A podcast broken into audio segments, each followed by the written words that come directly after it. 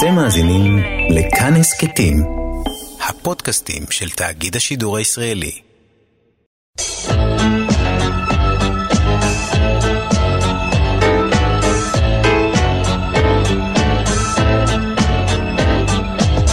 גיבור תרבות הדוקטור דן הרב והדוקטור דוד גורביץ' באולפן עם יונתן גת.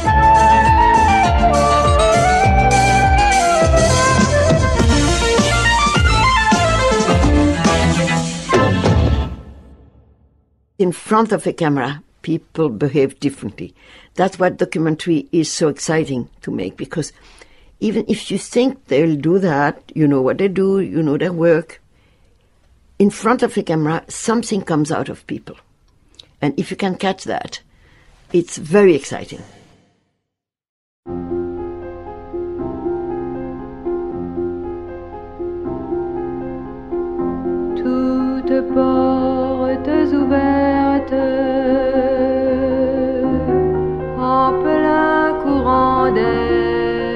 שמענו את קולה של גיבורת התרבות שלנו לתוכנית הזאת, במאית הקולנוע אניאס ורדה. ואנחנו כאן כרגיל, דוקטור דוד גורביץ', הלו הלו, דוקטור דן הרב, סבא, oui, salut Jonathan, comment ça va סבא ביאן, סבא. ואני יונתן גת, והיום אנחנו מדברים על אחת הבמאיות הגדולות, החשובות והמשפיעות ביותר על הקולנוע הצרפתי. אחת הראשונות שהציגה לנו את האפשרויות לערבוב בין הדוקומנטרי לעלילתי, והאופציה לשאול מתי התיעוד האמיתי נגמר ומתי הבימוי מתחיל. האם בכלל יש דבר כזה תיעוד נטו, או הפוך, האם יש דבר כזה בימוי ללא אלמנט דוקומנטרי? ואת כל השאלות האלה היא אורזת בצילום מענג, עריכה משובחת, מוזיקה יפהפייה, כמו זאת שאנחנו שומעים ברקע, כך שהדיון הקולנועי שלה הוא לא רק אינטלקטואלי, אלא הוא גם חוויה חושית, רגשית, מהנה מאוד. יונתן, אתה אמרת כל כך הרבה דברים בכל כך מעט זמן, שקשה להתעלות על מה שאמרת. אנחנו באמת מדברים על אחת מאושיות הקולנוע העולמי, ואני חושב שהתפקיד שלנו היום הוא להאיר את הדמות שלה, מכיוון שהיא לא מפורסמת כמו הרבה אושיות אחרות. היא ללא ספק בן אדם שהשפיע, השפיע על זרם מרכזי שנקרא הגל החדש בפריז, והשפיע על עוד אין ספור, אין ספור יוצרים בכל מיני מקומות בעולם, ובמידה רבה ההשפעה שלה ניכרת עד היום, ולא במקרה, רק לפני שנתיים היא קיבלה פרס על מפעל חיים. פרס אוסקר. פרס אוסקר. בקיצור, אנחנו מדברים על דמות שגם אם היא לא מפורסמת, היא ללא ספק אחת מגיבורות התרבות הגדולות של הקולנוע העולמי. דוד? אניאס אה, ורדה, אה, היא דיברה על איזה שלושה מבטא, דברים. דוד, איזה מבטא יפה דיברה- מאוד. אז היא דיברה על אספירסיון, דיברה על קריאסיון ודיברה על פרטאז'. אסביר את זה בעברית. והדבר הראשון היא דיברה על השראה, אספירסיון, אספיריישן, תשוקה לקולנוע, הדרייב לקולנוע. הדבר השני שהיא דיברה עליו זה קריאסיון, כלומר יצירה, מלאכת הקולנוע. הרעיון זה שהקולנוע מדבר אודות שני דברים, אודות המציאות ואודות עצמו. ואחר כך אבהיר את עמדתי. ואחר כך הדבר השלישי שדיברה על הפרטאז', כלומר שיתוף הפעולה עם האחרים. את כל זה אנחנו נראה לאורך התוכנית, ובמיוחד נראה את שיתוף הפעולה שלנו עם אומן הרחוב ז'אר בהמשך. שלושת הדברים האלה, קריאסיון, אספירסיון ופרטאז' אורזים חבילה משובחת, שגם אם מינורית, היא בעצם אה, נקודת מפתח בתרבות של המאה ה-20. ארלט ורדה נולדה בשנת 1928 בבריסל שבבלגיה לאימא צרפתייה ולאבא פליט יווני. בזמן מלחמת העולם השנייה ברחה משפחתה לעיר הנמל סט בדרום צרפת, שם חיו ביחד על ספינה. בגיל 18 שינתה את שמה לאניאס, עברה לפריז ולמדה צילום ותולדות האומנות. בגיל 26 ביימה את סרטה הראשון בעידודו של הבמאי אלן רנה. הסרט הקצה הקצר שמו מתאר את סיפורם של זוג שמתמודד עם קשיי הזוגיות בעיירת דייגים. סרט שבישר את בואו של הז'אנר הקולנועי שקרוי הגל החדש, ואנחנו עוד נרחיב על המושג הזה בהמשך. מאז, בימה יותר מ-50 סרטים ארוכים וקצרים, היא זו שגילתה את השחקן ז'ראר דה פרדיה כשליהקה אותו לסרט שלא יצא בסופו של דבר. היא הייתה חברתו הקרובה של ג'ים מוריסון, והייתה אחת משישה אנשים בלבד שנכחו בהלווייתו. בשנת 2017 היא זכתה באוסקר לשם כבוד, ונפטרה שנתיים לאחר מכן בגיל 90, ועוד דבר אחד. למרות שהסרטים שלה מגוונים מבחינת האורך, הפורמט והנושאים, ורדה הקפידה שכמעט בכולם יופיע כוכב אורח קבוע, והוא, אתם יודעים מי? תמיד? כמעט תמיד. גודר? לא. לא. חתול המחמד שלה. נכון, נכון מאוד.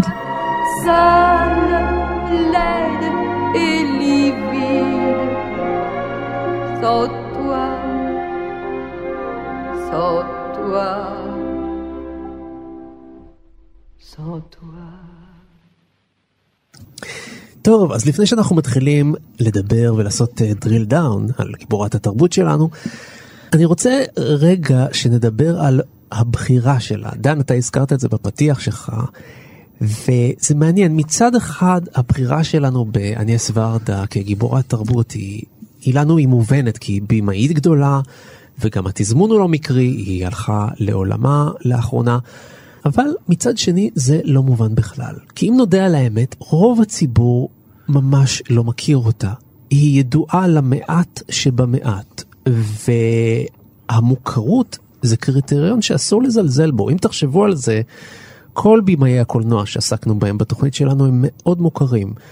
אלפרד היצ'קוק, סטנלי קובריק, אינגמר ברגמן, פדריקו פליני, וודי אלן, ובכל זאת, לא התלבטנו לגבי ורדה, ונגלה למאזיננו שיש לנו לא מעט ויכוחים על בחירות הגיבורים שלנו. במקרה שלה לא התווכחנו בכלל, כי הסכמנו שאנחנו בעצם מציגים מודל שונה של גיבורת תרבות. זאת הגיבורה שבעיני גיבורי תרבות אחרים היא גיבורת תרבות, היא הגיבורה של הגיבורים.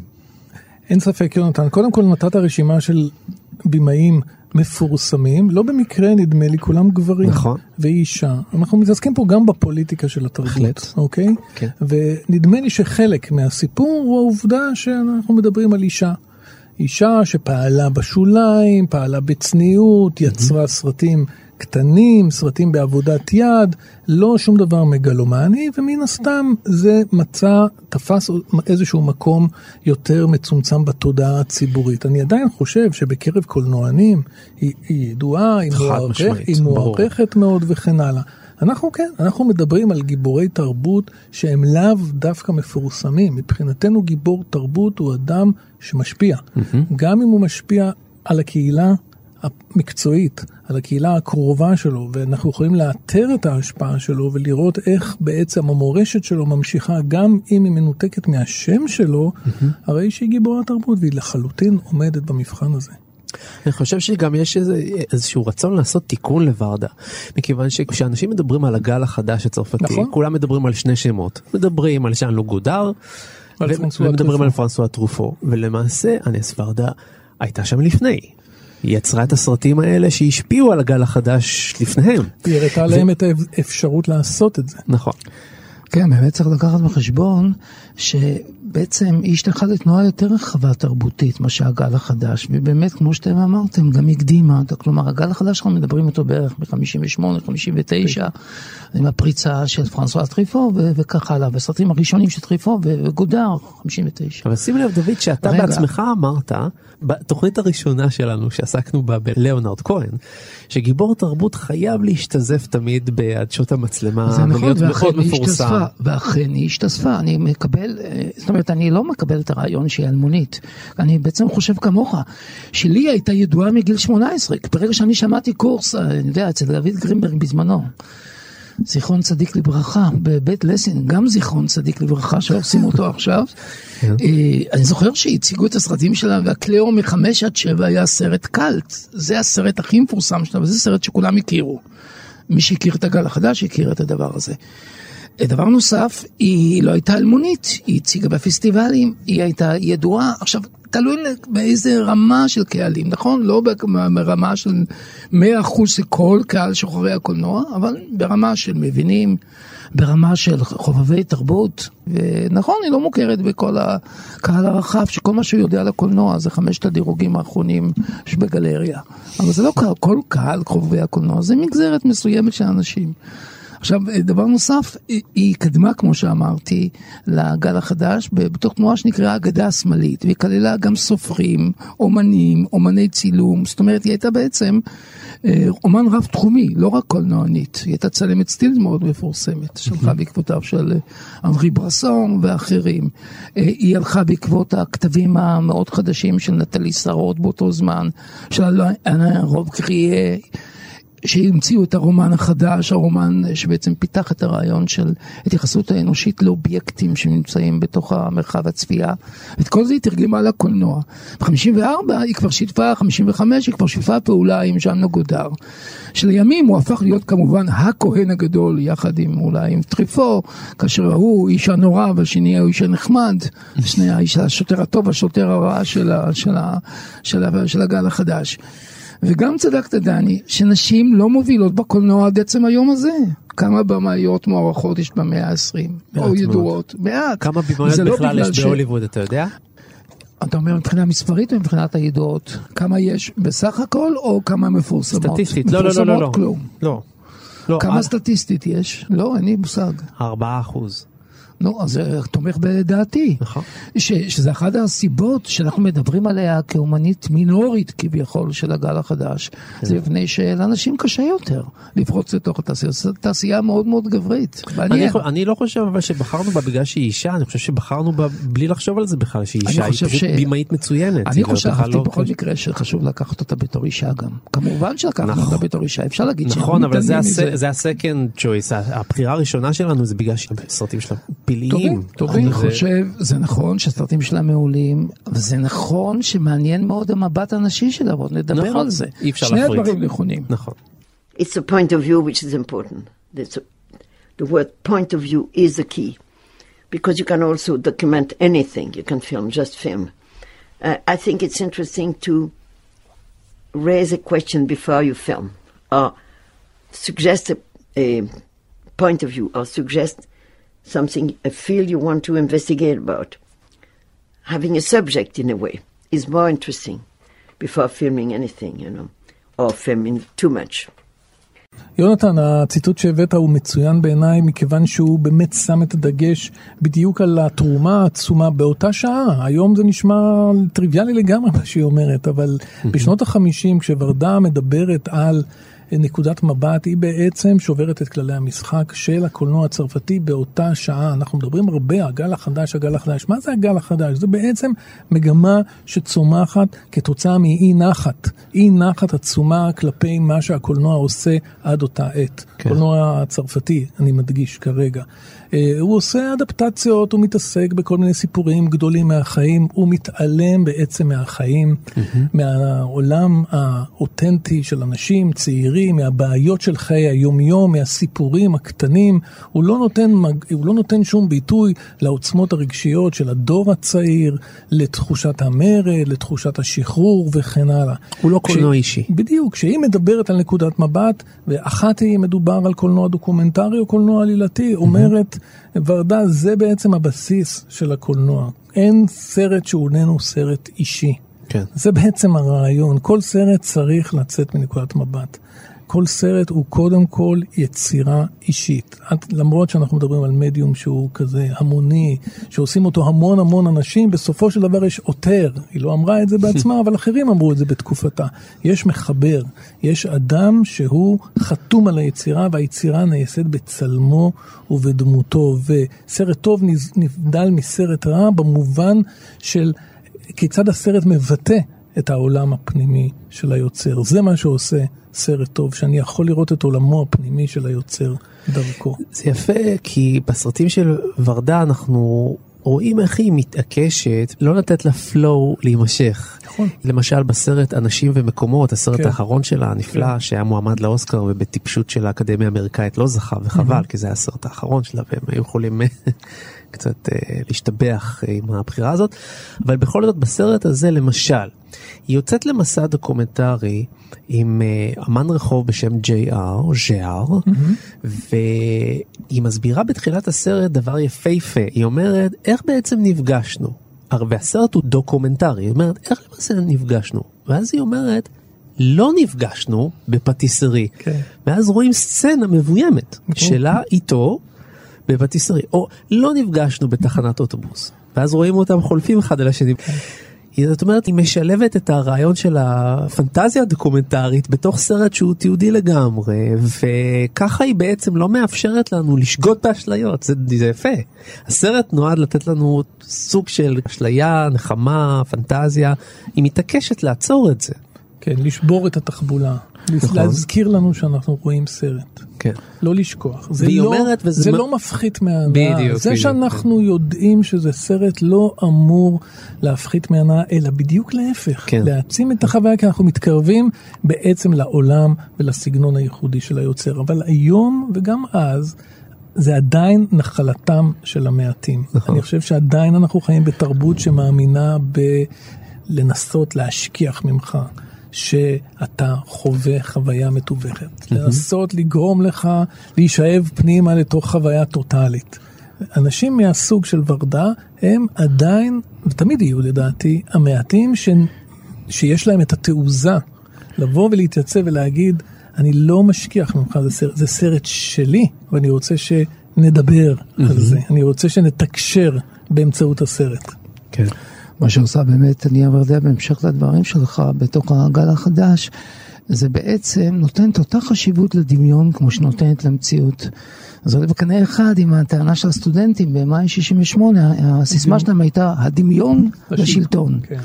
זה אומר שהעולם הפנימי והדמיוני הוא לא פחות ממשי, לא פחות חשוב, לא פחות דחוף מהעולם החיצוני, מהעולם של הפוליטיקאים, מהעולם של האידיאולוגיות, מהעולם שנטחן בעצם במדיה הפופולרית. כי שם בעצם נקבעה התודעה האנושית ושם נקבעה בעצם ההיסטוריה האנושית, בתוך המחשבות האנושיות, בתוך הדמיון האנושי. שם, משם מתקדם המין האנושי, לא מן המובן מאליו שנטחן במקדונלדס, של המחשבות. אז מכאן אותו רעיון של הדמיון יש חשיבות. ואותו רעיון של הגל החדש, שבו אפשר לבלבל בין דמיון למציאות, בין דברים, בין פנטזיה אישית, פתאום מחשבות פנטסטיות כזה של הגיבור, לבין איזשהו ריאליזם של רחוב פריז ההיא. זה הולך להבחנה הזאת שאתה מכיר אותה בטח, בין פורמליזם לריאליזם. ריאליזם זה מה שאנשים מחפשים, בדרך כלל רוצים לראות את ההשתקפות של החיים שלהם, אבל לא את ההשתקפות של החיים שלהם הם רואים האנשים האלה, אלא את ההשתקפות של המובן מאליו, וזה הם לא שמים לב. היא אומרת להם, בואו תראו גם את ההשתקפות של החיים, אבל גם את ההשתק- ההשתקפות של הדמיון שלכם, ובאיך ישתקף הדמיון? על ידי הקולנוע, על ידי המצלמה, על ידי הרעיון שאני אגיד לכם, אתם צופים כרגע בסרט. זה לא... יש תשוקה למציאות ויש תשוקה לקולנוע. התשוקה לקולנוע מניעה בני אדם יותר חזק לפעמים מהתשוקה למציאות. בכל מקרה, הערבוב ביניהם מייצר חשמל, וזה מה שאמרו אנשי הגל החדש.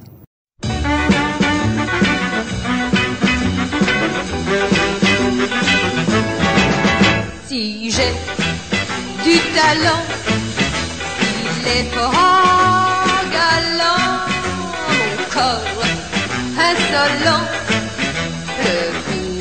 Ready, Mom?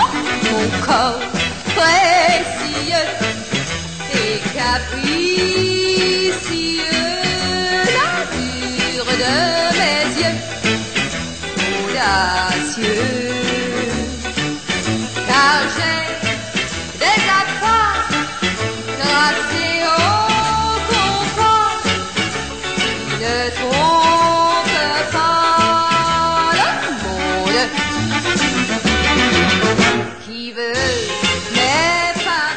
כמובן שאנחנו מדברים על אה, אניאס אה, ורדה, אנחנו חייבים לדבר על הסרט קליאו מחמש עד שבע, או כמו שאומרים בצרפתית, קליאו דה סנק אסט.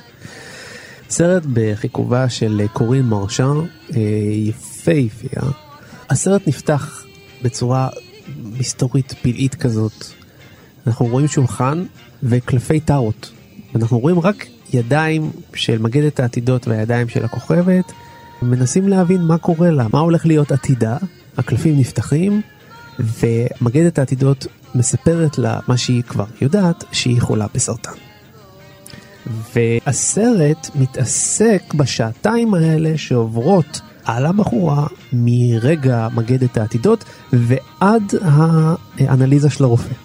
והיא אומרת דרך אגב בסרט הזה משפט מאוד יפה שאני לא יכול להוציא אותו מהראש הזה כל עוד אני יפה אני לא יכולה למות. כן. יונתן, דיברת על הקלפים, ואני חושב על זה, לכל קלף יש שני צדדים, אתה יודע. ואני חושב שהסרט הזה, בדיוק כמו הסרט הראשון שנדבר עליו בהמשך, הוא בדיוק הסרט שמעמיד את שאלת הזהות, קודם כל, במרכז. מי אנחנו? ומה אנחנו חושבים על מי שאנחנו רואים, מה הזהות שלו. מצד אחד זמרת, זוהרת, אמרת יפהפייה. כן. מצד שני, אישה שנמצאת כרגע במצוקה, ו... אולי גוססת, אולי גוססת, ובתוך השעתיים האלה, כמו בשאר החיים שלה, היא חווה מכלול אה, של חוויות, מפגשים עם גברים, מפגשים עם מחברי שירים, מפגשים עם אה, כל מיני אנשים שמייצרים אצלה גם חוסר סיפוק, משהו שהוא בכלל לא דומה לזוהר הזה שאנחנו מייחסים לאנשים ברמה של החרדת מוות, משהו הכי, הכי לא רחוק, מתלבש עליה, הכי כן. רחוק מן הזוהר הזה של הכוכבים. ואני חושב שוורדה מאוד מאוד מתעסקת בעניין הזה של הדימוי, בעניין הזה של ניסיון לקלף את מה שנמצא מאחורי הפנים האנושיות. היא מתעסקת בזה לעומק. הסרט הזה, מעבר לחידוש האסתטי שלו באמת, שהוא הוא מתאר שעתיים בחיי אדם, והוא אורכו כשעתיים. זה, זה חידוש... כן, בסדר, אבל זה, זה, זה, זה סרט ריאליסטי במובן של מסגרת הזמן, ש, שהיא, שהיא מסגרת זמן קולנועית שעוקבת אחר הזמן הריאליסטי. אבל מעבר לזה, אני חושב שהוא הוא ממש סרט של חקירת הזהות. זה לא סתם סיפור על אישה שמחכה לבדיקה. כן. זה מה אנחנו חווים ביחד איתה, איזושהי תובנה, איזשהו, איזשהו גילוי. של עולם פנימי שבעצם זר לנו לחלוטין, ורק השעתיים האלה, עם כל מה שהיא חווה בהם, מאפשר לנו להבין שמה שאנחנו רואים זה לא מה שיש. נכון, ומעניין שאנחנו לא חשים דווקא מועקה. היא מתארת את השעתיים האלה, שאמורות להיות שעתיים שהם פחד מוות, כן? נכון. אה, על מאפיינים רבים אחרים, שהם יכולים להיות שמחים ומהנים ומלאי תשוקה, כן. ומלאי אירוטיקה, ושמחה ושירה ואומנות, יש הכל בשעתיים האלה, זה לאו דווקא חרדת מוות. כן, אבל אני, אני חושב שהדבר המעניין באמת, שזה זה מתחבר למה שאתה אומר, זה לא מציית לאיזשהם קודים אסתטיים או קודים נרטיביים, אה, או קודים בידוריים אפילו, הייתי אומר, מקובלים, שבהם אתה אמור ליצור עכשיו מתח, ועכשיו ציפייה, ועכשיו התרה, ועכשיו קתרזיס. זה לא העניין, יש את זה. אבל זה לא העניין המרכזי, זה אולי התירוץ, או זאת ההזדמנות לחקור את הזהות. נכון, זה הק-. הקתרזיס בסרט הזה, אנחנו לא נגלה, אבל הקתרזיס הוא די שולי. בסופו של דבר בסרט נכון. הוא לא כזה חשוב. נכון. רציתי להעיר אה, שתי הערות. ההערה הראשונה לשם של הסרט, אי אפשר לא להתייחס למילה קליאו. למה קליאו? בטח אה, חלק מהמאזינים טועים מה זה קליאו. קליאו היא המוזה של ההיסטוריה, היא המוזה של הזמן, היא, היא הנושא של הסרט, השעתיים האלה. מה אנחנו עושים כאשר המשמעות של המוות או החיים נדחסים בצורה כל כך? כי בחיים הם נפרסים ויש לך תחושה של נצחיות בחיים. מה קורה כשלבדם הנצחיות הזאת מופרת? לכל אחד לפחות יש את אשליית הנצחיות. כאילו החיים ייגמרו משהו, אבל זה בסוף, אחרי הרבה מאוד שנים. אני גם לא יודע מתי זה יקרה. פה יש משהו דפיניטיבי שיגזור עליה חיים או מוות באמצעות התוצאות של הבדיקה. זה דוחס את הזמן והופך את השאלה מה אני עושה עם הזמן לשאלה קריטית. שאלת הזמן שהפסיכולוגיה הנפשי מתערבבת עם שאלת הזמן הקולנועי. שתי השאלות הן שאלות שונות לגמרי, אחת במישור הנפשי, השנייה במישור האסתטי. ואת שתיהן, הייתי אומר, שתי השאלות משוססות, אה, הייתי אומר שמשסה שאלה בשאלה. כאשר העניין האסתטי מתנגש עם העניין הנפשי. ויוצר בעצם סוג מסוים של הסתכלות אינטלקטואלית מרוחקת בבעיה, אבל לאו דווקא השתקעות סנטימנטלית בשאלה מהי גורלה של אישה יפה. ולכן הרעיון המרכזי של הזמן, של הזמניות, הזמניות של החיים, או הזמניות של המושג היסטוריה בכלל, אלת ההיסטוריה, קלאו, עומד במרכז הסרט. אפשר להשוות את הסרט הזה אגב, אתה תרצה רק להשוות אותו לסרט הראשון שלה, אבל אני הייתי משווה אותו לסרט ישראלי דווקא, מר באום. זה בדיוק מה. שחשבתי גם. אז זה, זה, זה שעה מסתבר. וחצי של מה הבן אדם עושה עם אותו. שזו אלטרנטיבה, מה שמר באום מציג זו אלטרנטיבה. מר אה, באום של אסי דיין, כן, של אסי דיין. שבו הוא מתבשר שיש לו 90 דקות לחיות בערך. עכשיו, מה שעובד אצל אסי דיין זה תחושה של הומור מקאברי, כן? כאילו, כל פעם כשהוא מתקדם הסרט, הרופא אומר לו, יש לך רק עוד 59 דקות, אתה מפטפט, אתה מדבר יותר מדי, עכשיו יש לך כבר 54 דקות אחרי שדיברת. כלומר, הרעיון הזה של מרוב אימת מוות אתה צוחק על המוות. זה לא מה שקורה לאניאס ורנה, היא לא צוחקת על המוות, ומצד שני לא נותנת למוות לשלוט בחייה. מעניין מאוד לחשוב על זה, על הסרט הזה שלה, שעשתה את זה לפני שנים רבות, בתור אישה שגם חיה עד גיל 91 והייתה כל כך צעירה. 90. 90, נכון? סליחה. והייתה כל כך צעירה, וכשנשאלה פעם היא מפחדת מהמוות, היא בעצם לא נשאלה פעם אחת, נשאלה את זה בסרט הדוקומנטרי האחרון ב-2019, אז היא אומרת לז'יאר, שהיא מדברת איתו מול המצלמה, שהיא לא מפחדת מהמוות. אה, באמת את האי פחד הזה רואים בקליאו, אני חושב, חמש עד שבע. Merci Cléo. Tiens-moi au courant. Au revoir.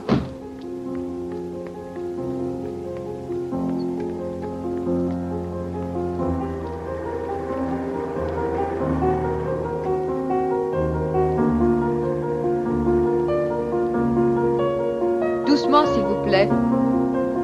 Et maintenant Tout droit.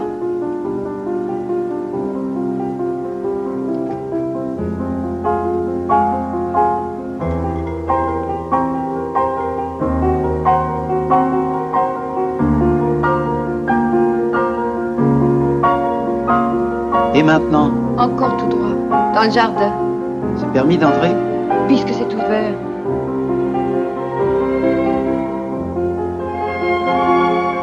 אני חושב שחשוב אה, לדבר על, על הסרט הראשון, אני חושב שתמיד לכל יצירה של יוצר גדול כקטן, תמיד מעניין לחזור אל הרגע המכונן, אל היצירה הראשונה, אל המקום התמים, הראשוני, המקום הזה שהוא כמו, כמו קפסולה בעיניי, שמחזיקה בעצם הרבה פעמים את המפתח להכרת היוצר הזה ואת כל הפילמוגרפיה שלו, את כל ההיסטוריה העתידית mm-hmm. של היצירה שלו.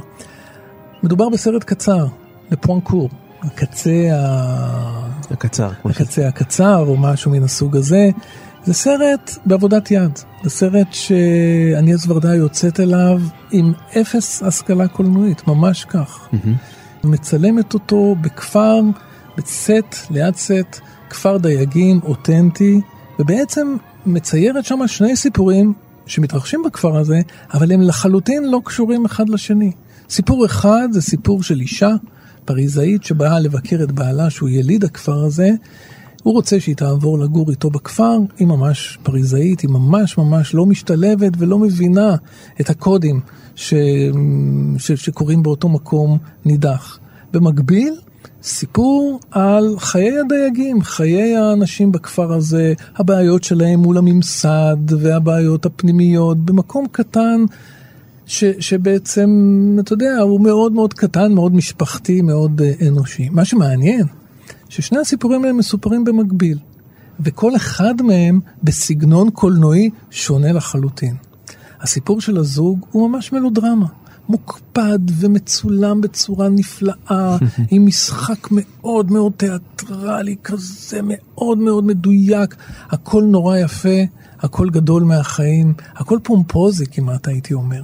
כן. לעומת זאת הסיפור של הכפר ואנשיו זה כמעט סיפור דוקומנטרי, זה ניאו-ריאליזם מה שאנחנו יכולים לקרוא. Mm-hmm. זה משהו עם איזושהי עמדה חברתית נורא נורא ברורה ועם איזה סגנון קולנועי שהולם את התפיסה הזאת, שהיא משהו הרבה יותר, הייתי אומר, ארצי. והרבה יותר ישיר, והרבה פחות אה, מנסה ליפייף את המציאות, אלא בדיוק להפך, להראות אותה בגובה העיניים עם אנשים אמיתיים, לא שחקנים. רבים מהאנשים שמשתלבים בסרט הזה הם באמת התושבים של הכפר, והצילומים הם בבתים שלהם. זאת אומרת, זה צילום און לוקיישן ממש. וכל הדברים האלה בסרט יחסית קצר של אה, יוצרת ראשונה, שנותנת בעצם בסרט הזה הצעה. תראו, אפשר לעשות סרטים כאלה, אפשר לצאת החוצה, ואפשר לצלם עם חברים, ואפשר לצלם עם מתנדבים, ואפשר להציג סיפורים קטנים, ואפשר ליצור הזדהות ברמות הכי הכי בסיסיות. זאת הצעה לסרטים שלא קיימת. הסרטים האלה לא קיימים בקולנוע, כמעט בקולנוע העולמי, בטח לא בקולנוע הצרפתי בשנות החמישים. ובסרט מן הסוג הזה, היא בעצם מרימה, הייתי אומר, להנחתה. היא בעצם אומרת, תראו, תראו מה אפשר לעשות. וחמש או שש שנים אחר כך, שטויפו יעשה את 400 המלכות, שגודר יעשה את לחיות את חייה וסרטים אחרים, אנחנו נבין בעצם שהיה להם מקור של השראה. ואיתנו מורנו ורבנו לענייני קולנוע, נחמן אינגבר, אהלן. שלום. נחמן, איזו מין אישה אניאס ורדה הייתה? נתחיל מהדימוי הפיזי של האישה, נמוכת קומה, כן. עם תסרוקת מאוד מאוד מיוחדת, שנראה עליה כמו איזה כובע הפוך, כמו איזה ספל הפוך. לא פטריה, כן. קערה, קערה כן. הפוכה. כן.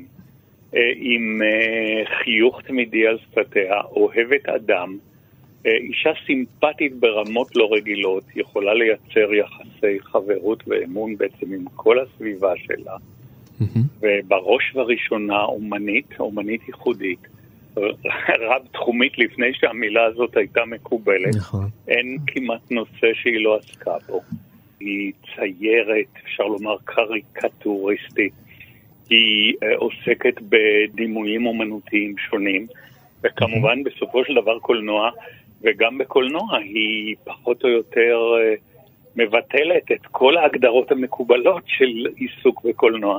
אין אצלה הבחנות בין תיעודי ועלילתי, ואישי וכללי ופוליטי, זה הכל בצורה מאוד מאוד ייחודית. אתה יודע מה, אז אני אשאל אותך, אני, בוא נלך רגע לסוף.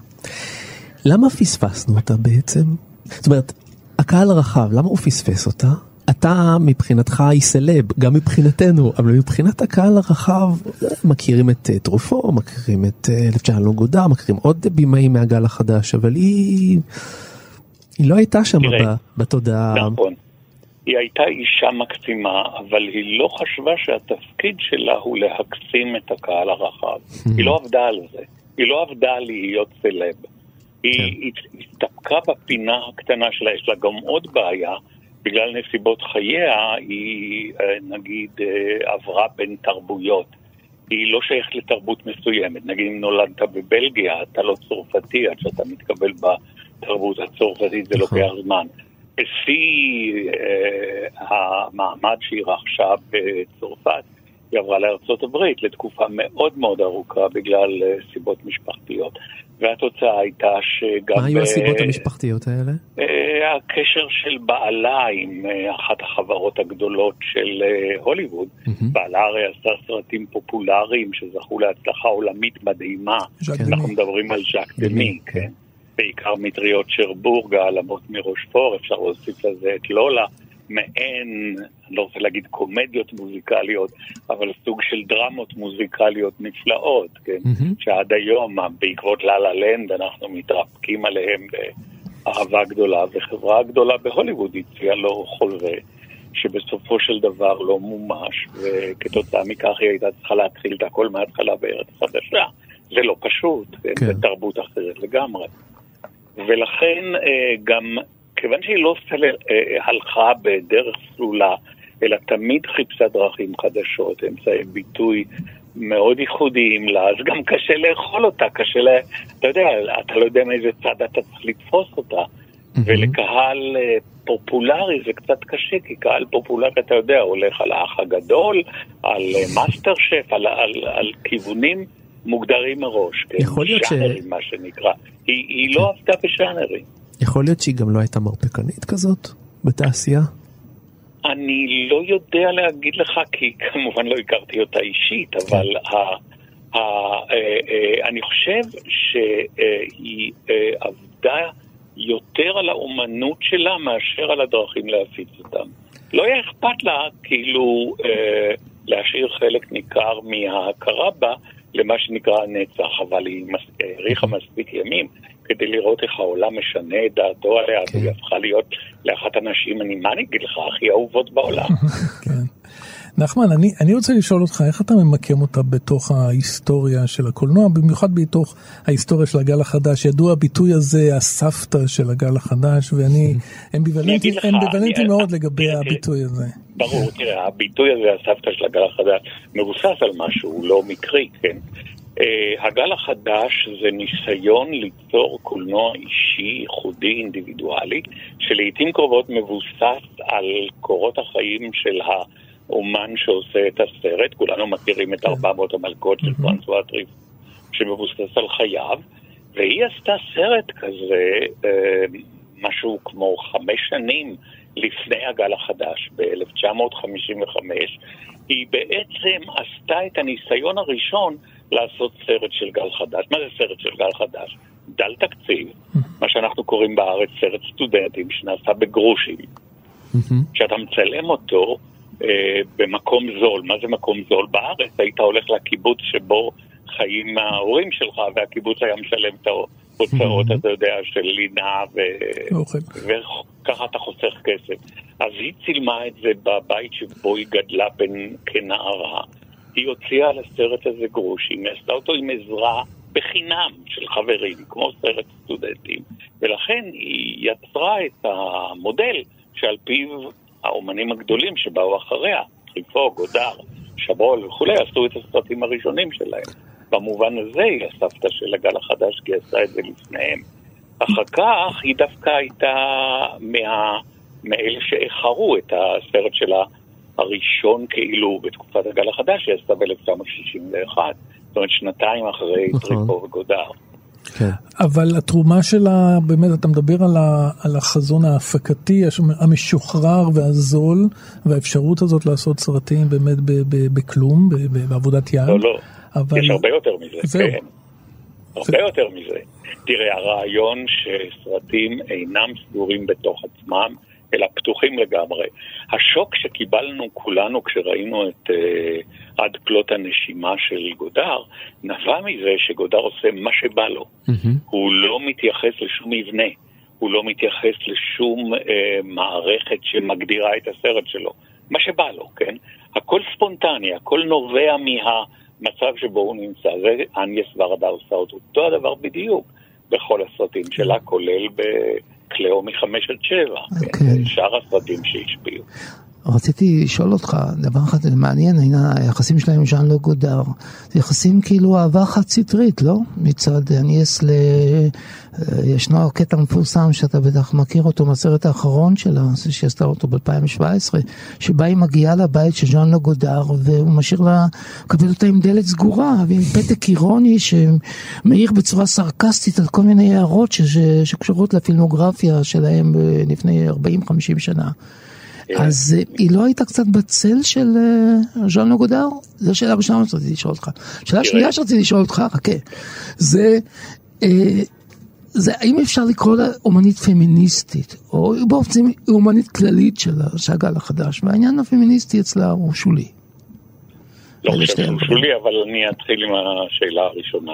מאוד אהבתי את התגובה שלה כשהיא מוצאת את הדלת הסגורה, כן. כן, אין לה בעיה לנבל את פיה ולקרוא לבן אדם הזה. אבל עדיין אה, יעשה לו לב, היא כותבת לו בסוף לב, אתה יודע. נכון, תשמע, אה, היא הייתה, הגדרתי אותה בהתחלה כאוהבת אדם. אני לא מכיר אישה שאהבה את המין האנושי כמו שהיא אהבה בני אדם שהיו לצידה במובן של הסבתא של הגל החדש, אתה יכול להוסיף את הרעיון שיש בה איזה סבתאיות, סבתאיות, במובן שהיא נכון, אוהבת נכון. את כולם. כן. סקרנית גם אה, סקרנית, כמו סבתא. כן, אה, אבל- ואותו, יש רק דרך אחת להגדיר את גודר, מיזנטרופ, שונא אדם. פשוט שונא אדם. אני לא חושב שיש לו יחס מיוחד שלילי כלפיה. אם תיקח את אה, קליאו מחמש עד שבע ותראה את הקטע הקצר והנפלא שהיא ביימה אותו יחד עם חברתו אשתו, אנה קרינה, ואתה רואה את הקטע הזה, אתה רואה את שיתוף הפעולה בין גודר וורדה, אתה מבין שהם היו חברים באמת. כלומר, באותה תקופה כנראה היה אכפת לגודר, או שהיה לו אינטרס באניאס ורדה. הרי הוא, סליחה שאני מנבל את פי, אבל הוא היה תמיד חרא של בן אדם. לא רק ביחס לעם היהודי וביחס לציונות או למדינת ישראל, כן? פשוט בן אדם נבזה, בכל מובן שאתה רק רוצה. אנחנו אה, שמחים שהתוכנית הזאת מוציאה ממך את המיטב, ונחמן. מוציאה ממך את לא, הניצוץ תשמע, הציוני, הניצוץ הציוני. כקולנוען, כקולנוען, אם אתה שואל אותי, הוא מספר אחד. כי כן. ההשפעה שלו על תולדות הקולנוע היא הכי גדולה. הוא השפיע יותר מכל בן אדם אחר, לטעמי. כן. אולי אורסון ווילס ואייזנשטיין השפיעו, אבל לדעתי הוא השפיע את ההשפעה הכי גדולה על התפתחות הקולנוע. ומה עם העניין הפמיניסטי? בבקשה? ומה כן, עם העניין הפמיניסטי, נקודת המבט מיד אני הפמיניסטית? מגיע, מיד אני אוקיי. מגיע. ואני חושב שבתור אישה כל כך אה, מושתתת על אהבת הבריות, היא, היא נתנה לו אהבה חד אה, סטרית במובן הזה שהוא לא הגיב, אבל היא באמת אהבה אותו. היא העריכה אותו, אהבה אותו, כן, היה חשוב לה אה, היחסים ביניהם, אבל הוא לא שם עליה, כמו שאומרים בעברית פשוטה, קצוק. כן. ולגבי הפמיניזם שלה, אה, בעיניי הוא חלק מהעובדה שהיא חיה כאישה, מקבלת את הנשיות שלה ולא עושה מזה עניין.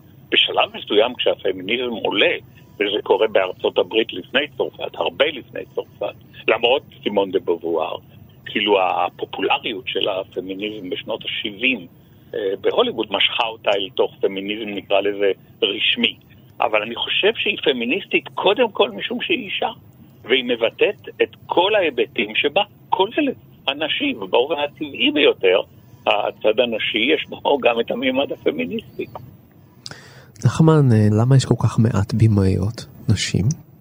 כי אנחנו הגברים לא אפשרנו לנשים בהתחלה בכלל לעבוד, כמעט הייתי אומר לא אפשרנו להם לחיות.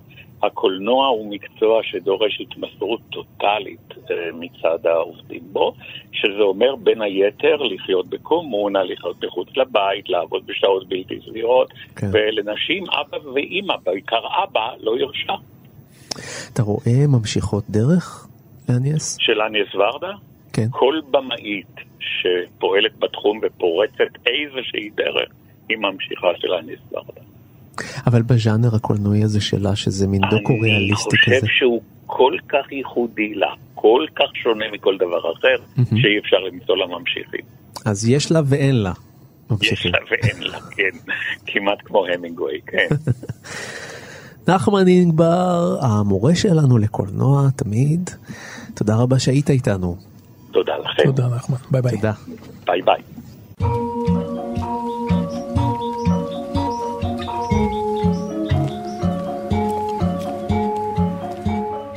Now, the question is that some documentaries, school of documentaries, that started to be around my time also, some fois they were serious and rather boring, as if they had to explain, like a teacher has to explain.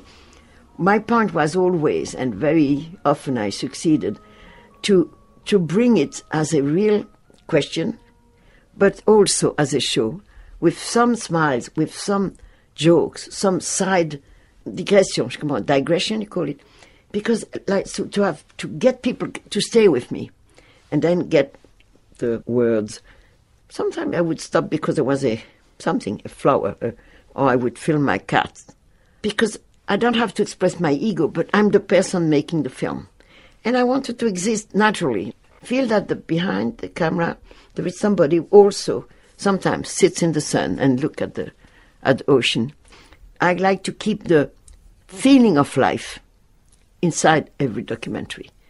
כן, רק נגיד בקצרה שמה שוורדה אומרת זה שהיא תמיד דאגה שבסרטים שלה, גם אם עסקו בנושאים רציניים, תמיד יהיה שם גם הומור וחיוכים ופרחים וחתולים, ודאגה, כמו שאמרנו בתחילת התוכנית, להזכיר לצופה שיש פה במאית ויש חיים, כן. ויש לה גם תשוקות לבימאית, יש לה גם רצונות, וגם היא אוהבת מדי פעם להסתכל קצת על הים, תוך כדי. זה מאוד מזכיר את הסרט האחרון, שנדמה לי שהשוט... וגם את הראשון. וגם את הים הראשון. היא חוזרת, הים שים לב, נכון. הראשון והאחרון. נכון. זה, זה, זה נכון. איזשהו מקור שתייה בשבילה, האוקיינוס, היא גם דיברה בקטע שאתה הבאת, יונתן, על האוקיינוס שמתביטה בו, והיא חוזרת לסרט האחרון, בסרט הראשון. הנושא הזה של לא ללכת לערים הגדולות ולסנטרים, אלא לכפרים. גם כי, ל- גם, ל- ל- גם, גם, לפרובינציה. כי, גם כי היא עצמה קשורה לזה, זה- גם כי זה, זאת הביוגרפיה שלה. והסרט נכון. האחרון הוא, הוא באמת, אי אפשר לחשוב על סרט סיכום חיים יותר מרשים מהיצירה הזאת. שיש בה, זה נקרא אנשים ומקומות. כן, אבל יש בה- places, faces. יש ביצירה הזאת את הכל. קודם כל, זה סיפור של תצלומים. ואנחנו זוכרים שהיא בעצם מתחילה את החיים שלה כצלמת, צלמת סטילס. וזה סיפור של מקומות וסקרנות תיעודית, וזה סיפור אודות התבוננות, אודות, אודות המושג הזה של התבוננות בפנים אנושיות. והתבוננות בפנים אנושיות שמתבוננות בדמות שלהן המצולמת. בואו רק נגיד וזה- למאזינים כן. שלנו, היא מסתובבת עם ז'אר, אמן הרחוב, והם מגיעים למקומות של משפחות של קורי פחם ובמקומות אחרים, והמכונית שלהם היא מאוירת כמצלמה, הם מכניסים את האנשים לתוך הצלמנייה, בתוך המשאית, מצלמים אותם ומדפיסים את הכל בהדפסי ענק. ואז מה שיוצא בתוך הסרט הזה זה שאדם מצולם, כן. התצלום שלו מודפס, מופיע על הבית שבו הוא גר, וכל זה מצולם על ידי הסרט, על, על הניאס כן. ורדה, והם גם לוקחים סלפי כן. עם התצלום של כן, עצמם. אנשים מצולמים בתוך התצלום של עצמם. מדברים- אנשים חיים מצולמים על רקע התצלום הגדול שמאתר את ביתם. נכון, ו- ואחר כך הולכים ומצטלמים בתוך היצירה כן. של עצמם. כן, אז, אז זה סרט על התבוננות, זה סרט על זיכרון, ואני חושב קצת כמו שרולנד בארט אמר, כל תצלום הוא גם הרהור על מוות, אז זה גם סרט על מוות זה בעצם. אמירה מאוד מעניינת. כן, זה בארט. הנושא של מוות הוא מאוד רלוונטי לסרט הזה, היא כבר לא ילדה קטנה, היא כבר סבתא ממש סבתא, כמו שנאמר הסבתא של הגל החדש, היא ממש בתפקיד הייתה הסבתא בת שם. 89 כשהיא צילמה. 89 וג'יי הוא בן 33, אז אה, יחס ביניהם הוא בעצם סבתא ונכד, כן. כמו שדיברנו. ואחד הדברים המעניינים בסרט הזה, זה באמת היחס בין הקטן לגדול, בין הטריוויאלי למונומנטלי. ניתן דוגמה, זה מה שעשה רוי ליכטנשטיין, בכיוון אחר לגמרי כשהוא דיבר על, ה, אתה יודע, על, ה, על הקומיקס. הוא לקח את הקומיקס הקטן והפך אותו ליצירה מונומנטלית כמו ברוקית, כמו זו למשל שתלויה במוזיאון תל אביב במבוא. אפשר לראות אותו דבר מה שהיא עושה. לקחת את האיש הפשוט, את האיש שלא שמים אליו, איש בפרובינציה שמשחק שם, יש לו איזשהו מכון, הוא משחק ועושה איזושהי אומנות באמצעות פקקים של uh, משקאות.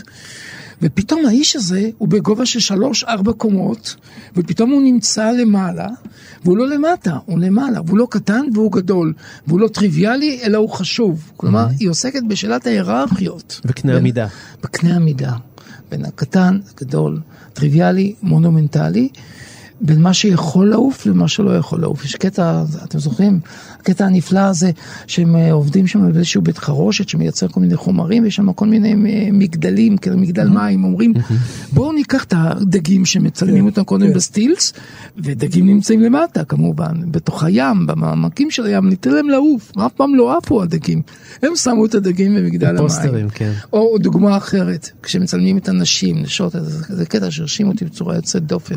קטע הפמיניסטי הזה, לדעתי, של הסרט שמצלמים את הנשים של פועלי הנמל, הסברים, עבדי התפעול של הנמל, האנשים, ביניהם אישה שמפעילה איזה מכונית שם, 45 טון. והוא שואל אותה איך לשים את ה- אותם, לשים אותם רק עם הראשים לצלם אותם? או היא אומרת לא, צלם אותם עם כל הגוף, הן צריכות להיות עם נוכחות, כל הגוף שלהם. אז הן עומדות, תחשוב על המכולות הענקיות האלה בגובה של עשרות מטרים, והן גדולות מן החיים, מצולמות ועומדות ככה בפוזה של אנחנו פה, אנחנו גאות במה שאנחנו עושות, אנחנו כבר לא טריוויאליות. ואחרי זה מצולמות בתוך המכולות, בתוך התצלום של נכון. יוצבות בתוך ה... מין, חלונות כאלה שנפערים בתוך המבנה הזה. כשהמבנה עצמו הופך להיות מיצג אומנותי. כן. והמיצג, כמו שאמרת, הוא מצולם שוב על ידי הקולנוע. זה, כלומר, זה ייצוג של ייצוג של ייצוג של ייצוג. זאת אומרת, היא עוסקת בקולנוע שמתבונן בעצמו ובאמנויות אחרות. באותו, באותו אותו סרט, אתה זוכר, הם נפגשים ועולים לקברו של אנרי קרטייה ברסון. זה שפיתח את התיאוריה המפורסמת על הרגע המכונן ומדברים על זה. כן. אז הרעיון הוא לגעת בחיים, לגעת במתים, תמיד מתוך איזו עמדה של, אני הייתי קורא לזה נדיבות אינסופית. והומניזם כזה, ש, שבאמת קורן מכל מילה שהיא אומרת, ופשטות ועומק. אבל כן הצופה יכול לשאול את עצמו האם אחרי כל כך הרבה ייצוגים נשארו חיים.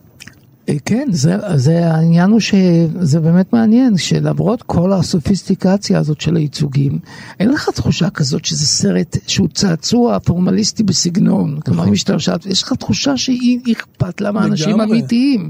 נכון שהם הופכים לייצוגים, אבל הם גם קיימים. להפך, הם קיימים בגלל שהם יכולים להסתכל על עצמם כאנשים מדומיינים, כלומר ש- כתמונות. לכן הם קיימים כבני אדם גדולים, ולא איזה אנשים שבכלל לא סופרים אותם, כי הם סתם זרוקים באיזה כפר נטוש בצידי הדרך.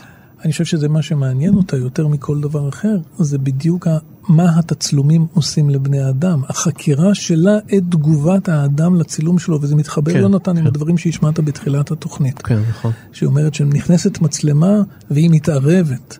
וזאת השאלה הכי גדולה של הקולנוע הדוקומנטרי, מה מצלמה עושה לבן אדם? מה הנוכחות שלה עושה? יש את התזה שאומרת הנוכחות משנה את הבן אדם, ויש את התזה שאומרת המצלמה נוכחת בחיים שלנו, וגם התגובה שלנו למצלמה היא החיים שלנו.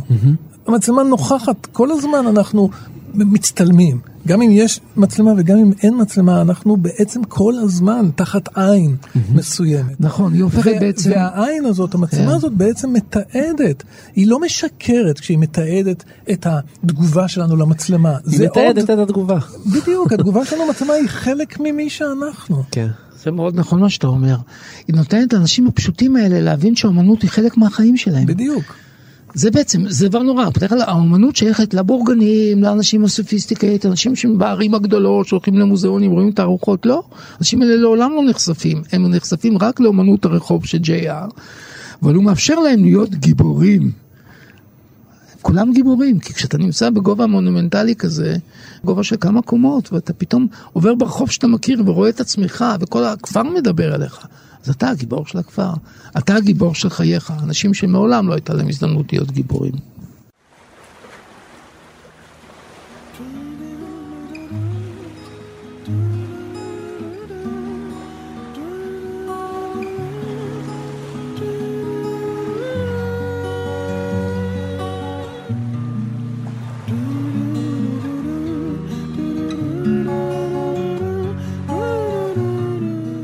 סיימנו, אבל זה לא הכל, כי לגיבור תרבות יש עוד עשרות רבות של תוכניות, וביניהן גם על uh, במאי קולנוע נוספים, כמו אלפרד היצ'קוק, פדריקו פליני, אינגמר ברגמן, כולם בנים עכשיו, קוונטין טרנטינו. דיוויד לינץ', נכון, גם אורי זוהר ואסי דיין.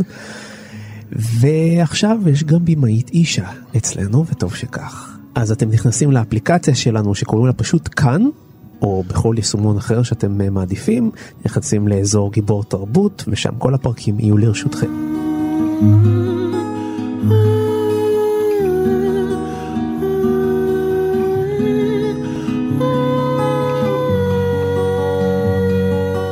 אני רוצה להודות לטכנאית שלנו, חן עוז, לגלי ויינטראופ, שעזר לנו בתחקיר. אני רוצה להודות לחברים שלי כאן באולפן, דוקטור דוד גורביץ', תודה רבה, מרסי. תודה רבה, גם לכם. דוקטור דן הרב, מרסי, דריה. ואנחנו נתראה בשבוע הבא עם גיבור תרבות נוסף.